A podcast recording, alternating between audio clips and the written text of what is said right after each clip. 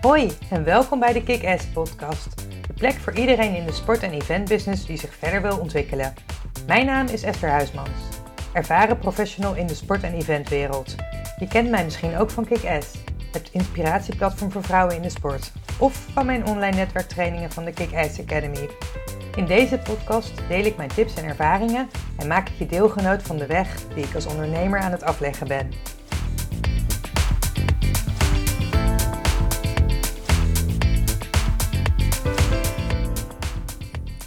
Hoe hoort het eigenlijk? Of zoals ze het uh, op zijn kakkerig zeggen, hoe heurt het eigenlijk? Nou, um, ja, ik kom oorspronkelijk uit Wassenaar, dus ik uh, denk dat ik wel recht van spreken heb. Want daar is dat natuurlijk ontzettend belangrijk. Um, en daar wil ik het in deze podcast eens over hebben. Want um, ja, zelf merk ik dat ik ja, me misschien daar te lang door heb laten leiden. En dat is enigszins heel erg logisch. Um, aan de andere kant heb ik ook wel eigenlijk mijn eigen weg gekozen daarin. En ik, ik besef ook nu dat ik misschien altijd eigenlijk al een uitzondering ben geweest. Maar dat heb ik lang uh, niet zo willen zien. Ik wilde er toch bij horen.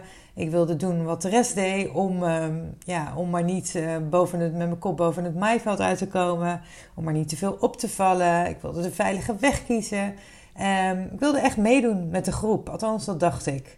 En um, ja, opgegroeid in Wassenaar, daar is, het was natuurlijk, nou ja, ik weet niet of het daar extra belangrijk was. Ik denk dat voor elke puber is het soort van noodzaak om, uh, om binnen een groep te vallen. En je wil er, daar, daar, op dat moment moet je maar gewoon doen zoals de rest doet. Want uh, ja, je, als jij niet, nou ja, als jij andere kanten laat zien, ja, dan val je buiten de groep. En dat is het laatste wat je op dat moment wil. En zelf heb ik bijvoorbeeld aan mijn middelbare schooltijd niet mijn beste herinneringen. Het is ook niet dat het dramatisch was, maar uh, uh, het is niet dat ik nou daar heel veel van koester. En een van de redenen was dat ik niet echt heel erg mezelf kon zijn. Ik werd daar niet echt gewaardeerd om wie ik was. En op dat moment ben je natuurlijk ook nog heel erg zoekende naar wie je daadwerkelijk bent. Maar um, ja, ik heb zeggen, ik heb dus niet de beste herinneringen daaraan. En het is niet dat ik echt gepest werd, maar ik hoorde zeker niet bij de popiopies van de school. En ik, uh, kwam sowieso van de verkeerde kant van het bruggetje.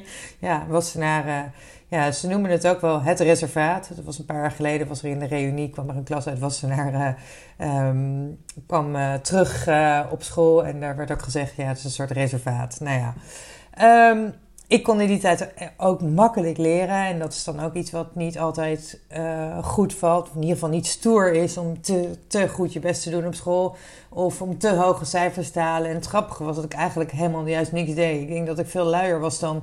En veel minder deed, dan vele anderen. Maar ik haalde gewoon makkelijk goede resultaten. Ja, en dat is dan ook niet stoer, om het zo maar te zeggen.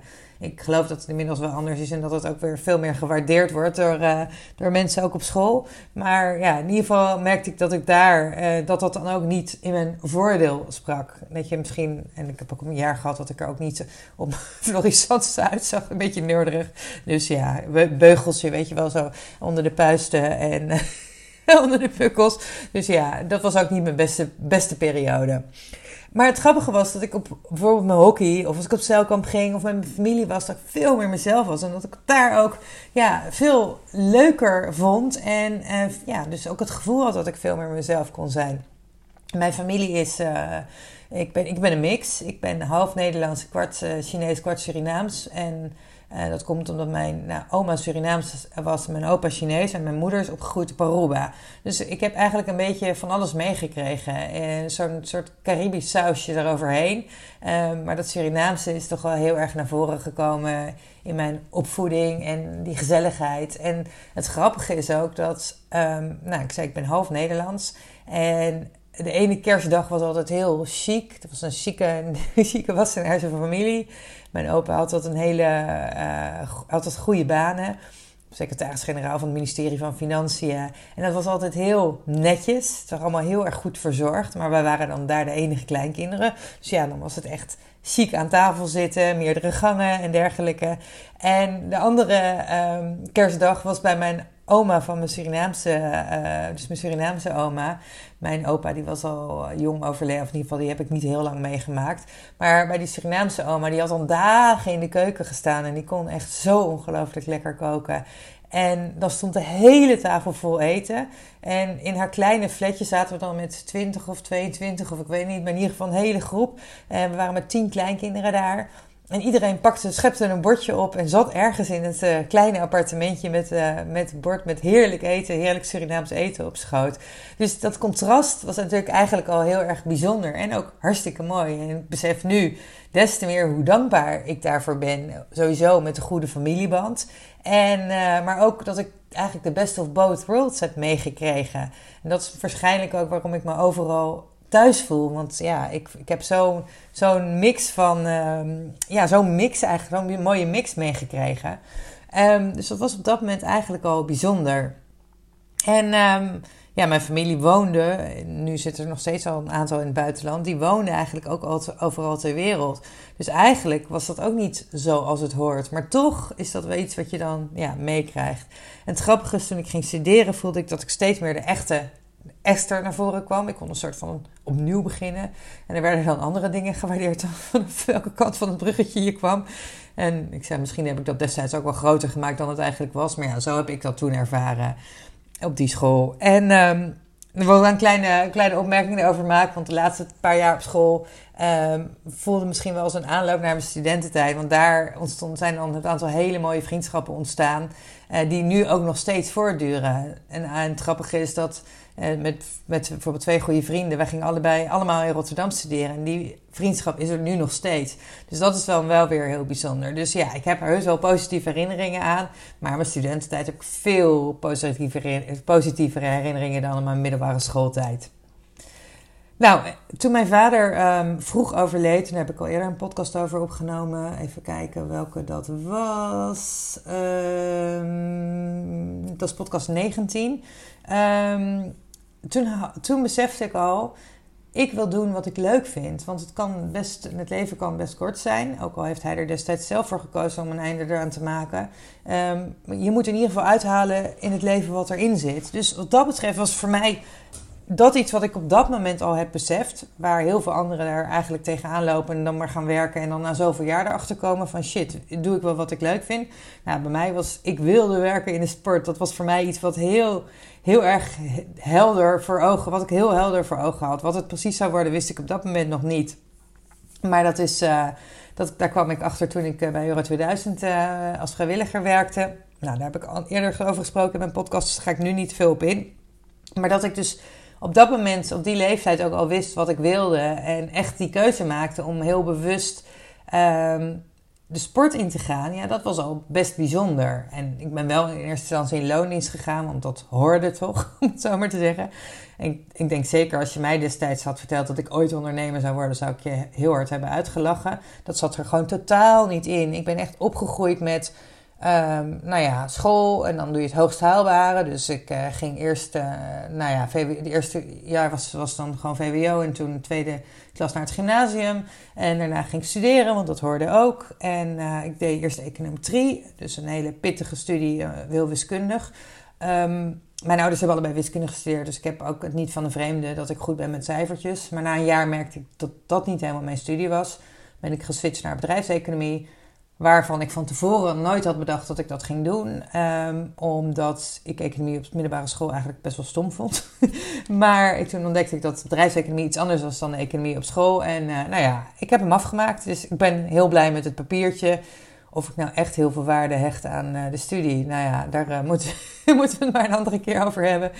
Um, het helpt wel om bepaalde deuren te openen. En omdat mensen zien dat je een bepaald werk- en denkniveau hebt.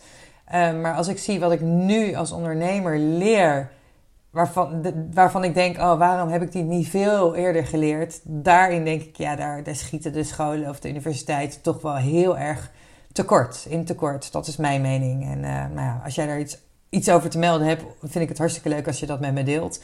Maar dat is iets waarvan ik denk, ja, weet je, er zijn zoveel dingen die we zouden kunnen leren die ontzettend waardevol zijn. En ik begrijp bepaalde studies. Kijk, als je medicijn, of medicijnen, ik bedoel geneeskunde moet ik zeggen, want ik vind medicijnen ook een verkeerde woord daarvoor. Maar geneeskunde gaat studeren, dan begrijp ik, want dan leer je echt een bepaalde skill. Uh, dus dan is het heel belangrijk. Maar heel veel studies, ja, het maakt uiteindelijk niet zo heel veel uit wat je gaat studeren, want je kan toch nog heel veel kanten op. Omdat als je gaat werken, um, word je eigenlijk pas echt uh, klaargestoomd ervoor. En toen ik begon met studeren, ja, wat, wat wist ik daar nou van? Toen je een keuze moest maken en dan denk je echt, oh jee, nou ja, uiteindelijk kan je nog heel veel kanten op. Ik ben blij dat het een brede uh, achtergrond is, maar of ik nou heel veel nog met mijn studie doe, nou, niet echt. En misschien is dat bij anderen wel het geval. Maar ja, ik ging dus niet het corporate leven in, wat op dat moment eigenlijk wel logisch zou zijn vanwege mijn studie bedrijfseconomie. Ik nam op dat moment banen aan voor korte tijd, dus ik ging projecten doen. Ik was op dat moment nog wel in loondienst, maar uh, later ben ik ook als zelfstandige begonnen. Um, en waar anderen op dat moment nou ja, stappen maakten in hun werk, promoties maakten, of nog op zoek naar, waren naar iets wat hen net zoveel plezier gaf als de sport mij bij mij deed, hopte ik eigenlijk met groot plezier van project naar project. En ik weet in die tijd waren er ook best veel mensen die waren een soort van jaloers op wat ik deed. Die zeiden ook van, ik zou graag net zo enthousiast worden van mijn werk als jij. Maar ik weet eigenlijk niet wat, dan, wat ik dan zou moeten doen. Dus nou ja, ik heb destijds geen last gehad van het dertigersdilemma. Waar best wat mensen om me heen dat wel hebben gehad. Um, nou ja, dus, dus dat, is, um, dat is iets wat ik um, niet heb gedaan zoals het hoorde. Maar ik werkte wel van 9 tot 5, vaak veel langer in die, in die eventwereld, want dat hoorde. En wat het stomme was eigenlijk, ook al had ik me uit de naad gewerkt bij bepaalde projecten, als ik dan daarna klaar was, uh, dan voelde ik me toch weer schuldig als ik even niks deed na zo'n project. En dat kwam natuurlijk enerzijds omdat het natuurlijk altijd de vraag weer was wanneer het volgende project dan zou komen. Um, wat ook weer positief was, ik moest mezelf elke keer weer positioneren om voor iets volgende in aanmerking te komen. Um, maar het is, het is altijd weer de vraag van oké, wat komt er nu? Dus ja, je, je hebt nooit echt die ontspanning of die rust van oké, hoe gaat het dan? Hoe gaat het nu? En zeker in de beginfase van mijn carrière, ja, dan moet er ook gewoon elke maand brood op de plank komen. Althans, moest ik gewoon elke maand inkomen hebben, want anders uh, zou ik mijn, uh, mijn hypotheek niet kunnen betalen. Dus daar toen was dat echt wel, wel belangrijk. En het stomme is, ja, mijn schema was vaak anders. Het was echt hollen of stilstaan. Want zeker in die eventperiode, ja, dan werk je gewoon, uh, nou ja, nog net niet 24-7, maar het, is, het, zal niet, uh, het, kom, het, komt erbij in de buurt. Um, en, uh, en je werkt gewoon zeven dagen in de week. En het is dus echt op dat moment hollen of stilstaan. En ik deed dus eigenlijk wat er van me verwacht werd. Want ook daarin was het, ja, ik wil niet te veel afwijken van de norm. Ik wilde toch doen als het hoort. En dat heb ik dat is heel erg onbewust altijd geweest. Hè? Dus het is niet van, oh, ik ben daar van, oh, ik moet het doen zoals het hoort. Maar ik merkte dat, ja, dat dat dus, ik merk dat nu steeds meer, nu ik daar steeds meer van loskom, dat ik denk, oh ja, maar dat heb ik dus heel erg gevolgd. Want ik zei het laatst nog tegen iemand, ja, ik heb altijd een beetje rare dingen gekozen. Zei iemand, hoezo raar? je hebt je eigen weg gekozen. En, uh, en, en, dat is niet per se, hoeft niet per se raar te zijn. Maar dat is grappig, hè, want welke woorden je er dan geeft. Nou ja, en zeker in die tijd, toen ik uh, begon met werken, uh, was het veel minder gebruikelijk om, om dat te doen zoals ik dat deed. Of, bijvoorbeeld, of dus om een combinatie van projecten te hebben of van, van project naar project te, hoppen. En tegenwoordig zijn er natuurlijk veel meer zelfstandigen. En is het ook veel normaler voor mensen om bijvoorbeeld twee banen te hebben. Of dus bijvoorbeeld om een goed betaalde baan te combineren met iets anders waar, waar mensen echt hun energie uithalen. Dus dat is op dat moment, dus in de tijdgeest is dat ook wel weer veranderd. En ook het ondernemen wordt, heb ik het idee dat er ook weer anders tegenaan wordt gekeken. Want ja, bij mij was het echt het hoogst haalbare. Want je gaat, je gaat, uh, je gaat werken of je gaat uh, uh, naar school en je gaat studeren, zodat je een goede baan kunt halen. Zo, dat is echt wat, waar ik mee ben opgevoed. En dat is ook logisch. Mijn ouders wisten niet anders. En mijn, hun ouders ook niet. Dat is gewoon hoe het werkt. En dat, ik, dat je dus zelf ook iets kan starten. Nee, dat is iets. Was, dat, dat, dat was helemaal niet normaal. En er werd misschien zelfs een beetje. Nou, ik weet niet of er neergekeken werd. Maar nee, die kwaliteiten werden dan toch minder op waarde geschat. dan, uh, dan een universitaire studie afmaken. Terwijl ik denk, ja, er zijn zoveel kwaliteiten die je als ondernemer hebt. waar je denkt: wow, als je dat bezit, nou, dat is echt zo waardevol. Maar. Uh, ja, dat is dus echt een beetje hoe, hoe ik ben uh, opgegroeid. Het grappige is bij mij, op een gegeven moment, toen ontmoette mijn moeder iemand die ook niet, ook niet had gestudeerd.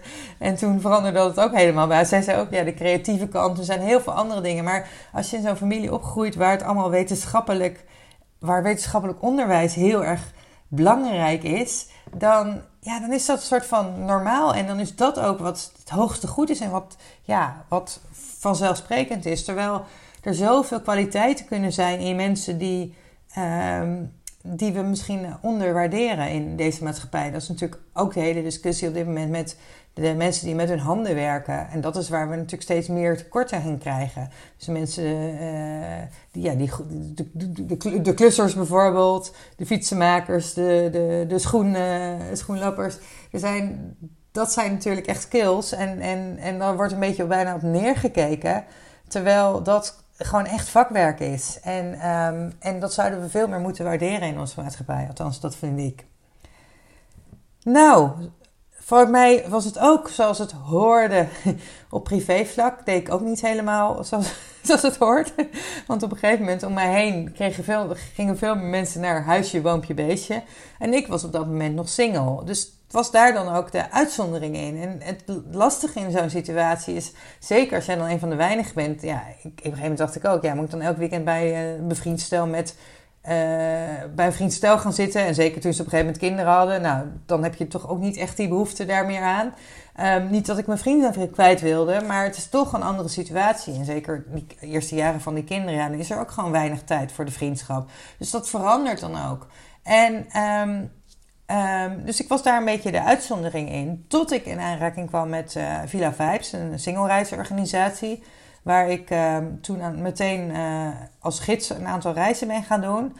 En dat was een soort van ontdekking. Um, kwam allemaal gelijkgestemden, zo uh, positioneren zij zich ook. Maar ik kwam andere singles tegen, die dus eigenlijk in dezelfde fase zaten zoals ik. Of sommigen hadden misschien wel al een kind, maar die had, dat was de relatie was weer over gegaan. Maar het waren in ieder geval ja, mensen die, die, die, er, die ook single waren. En die het ook leuk vonden om bijvoorbeeld in het weekend iets, iets gezelligs samen te doen.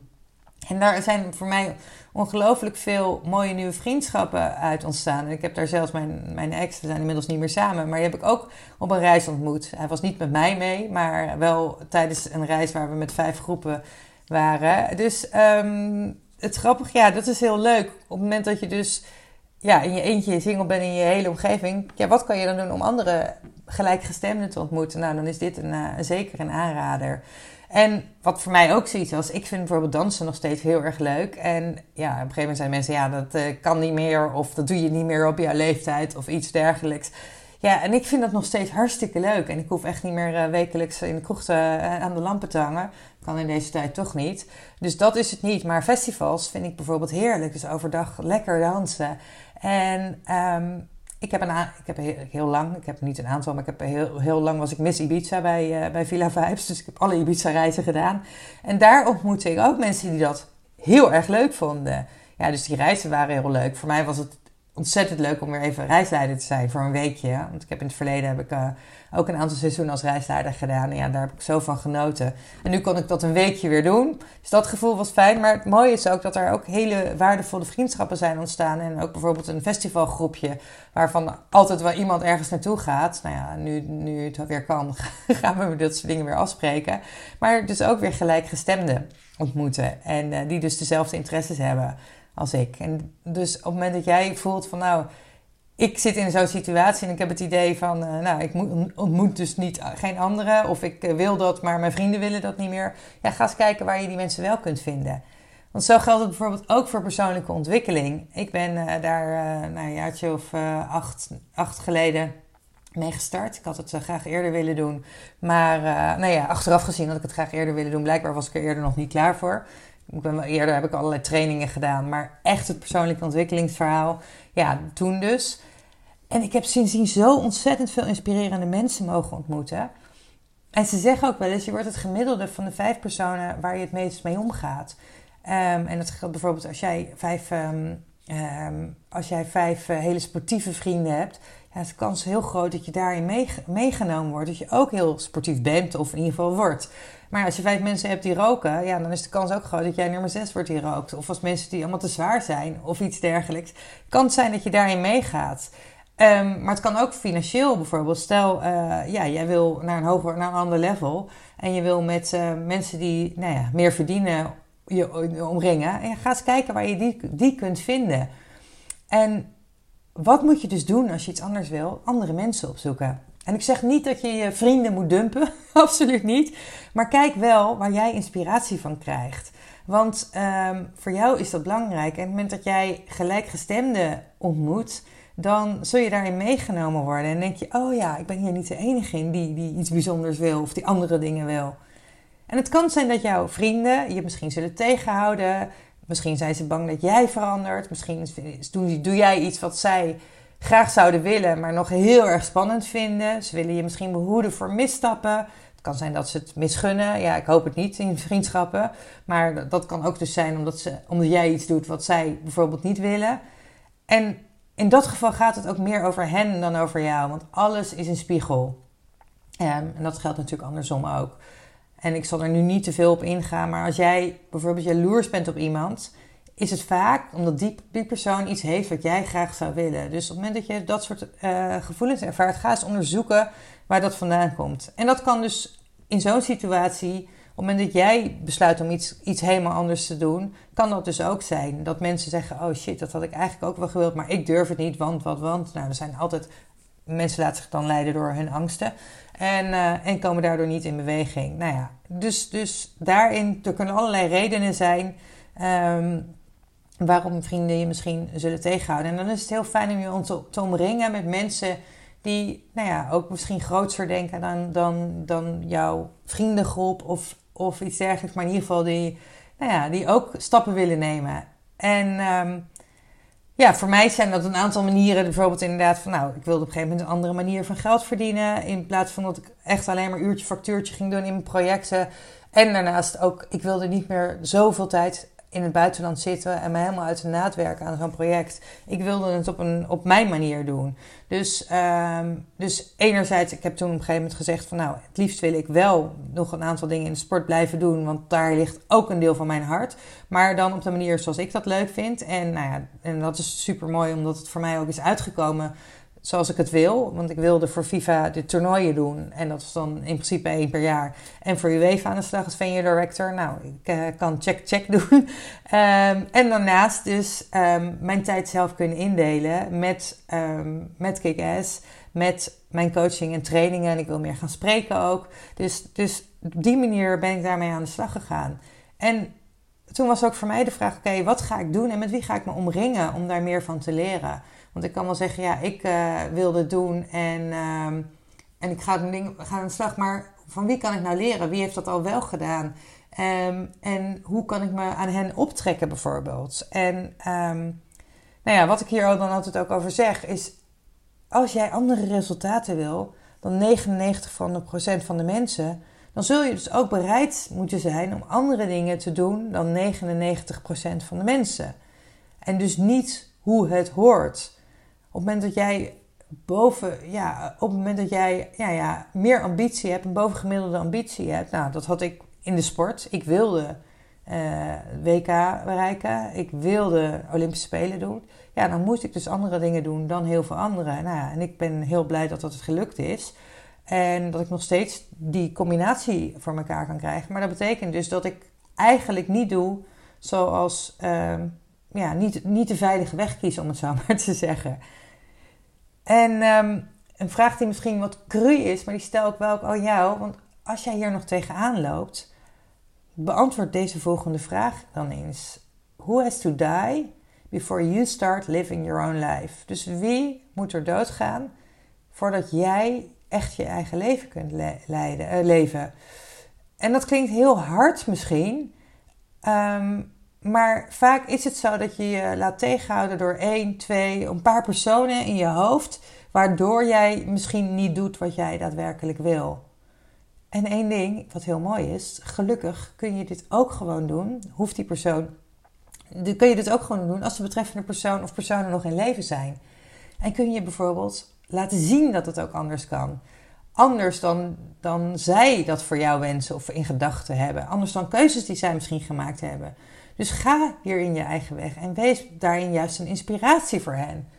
Voor mij is het ook een, een inspiratie zoals ik die ook hoop te zijn voor andere vrouwen. Maar ook voor de volgende generatie.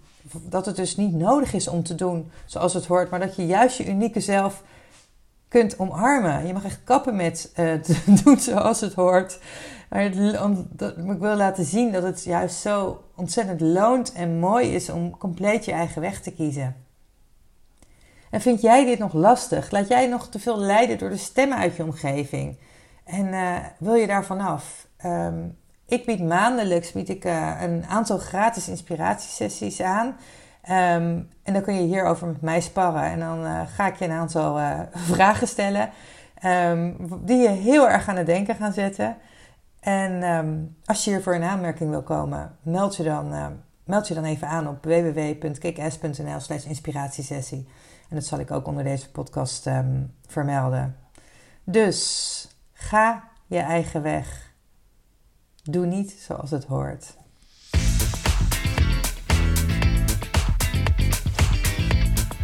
Dit was de aflevering van vandaag.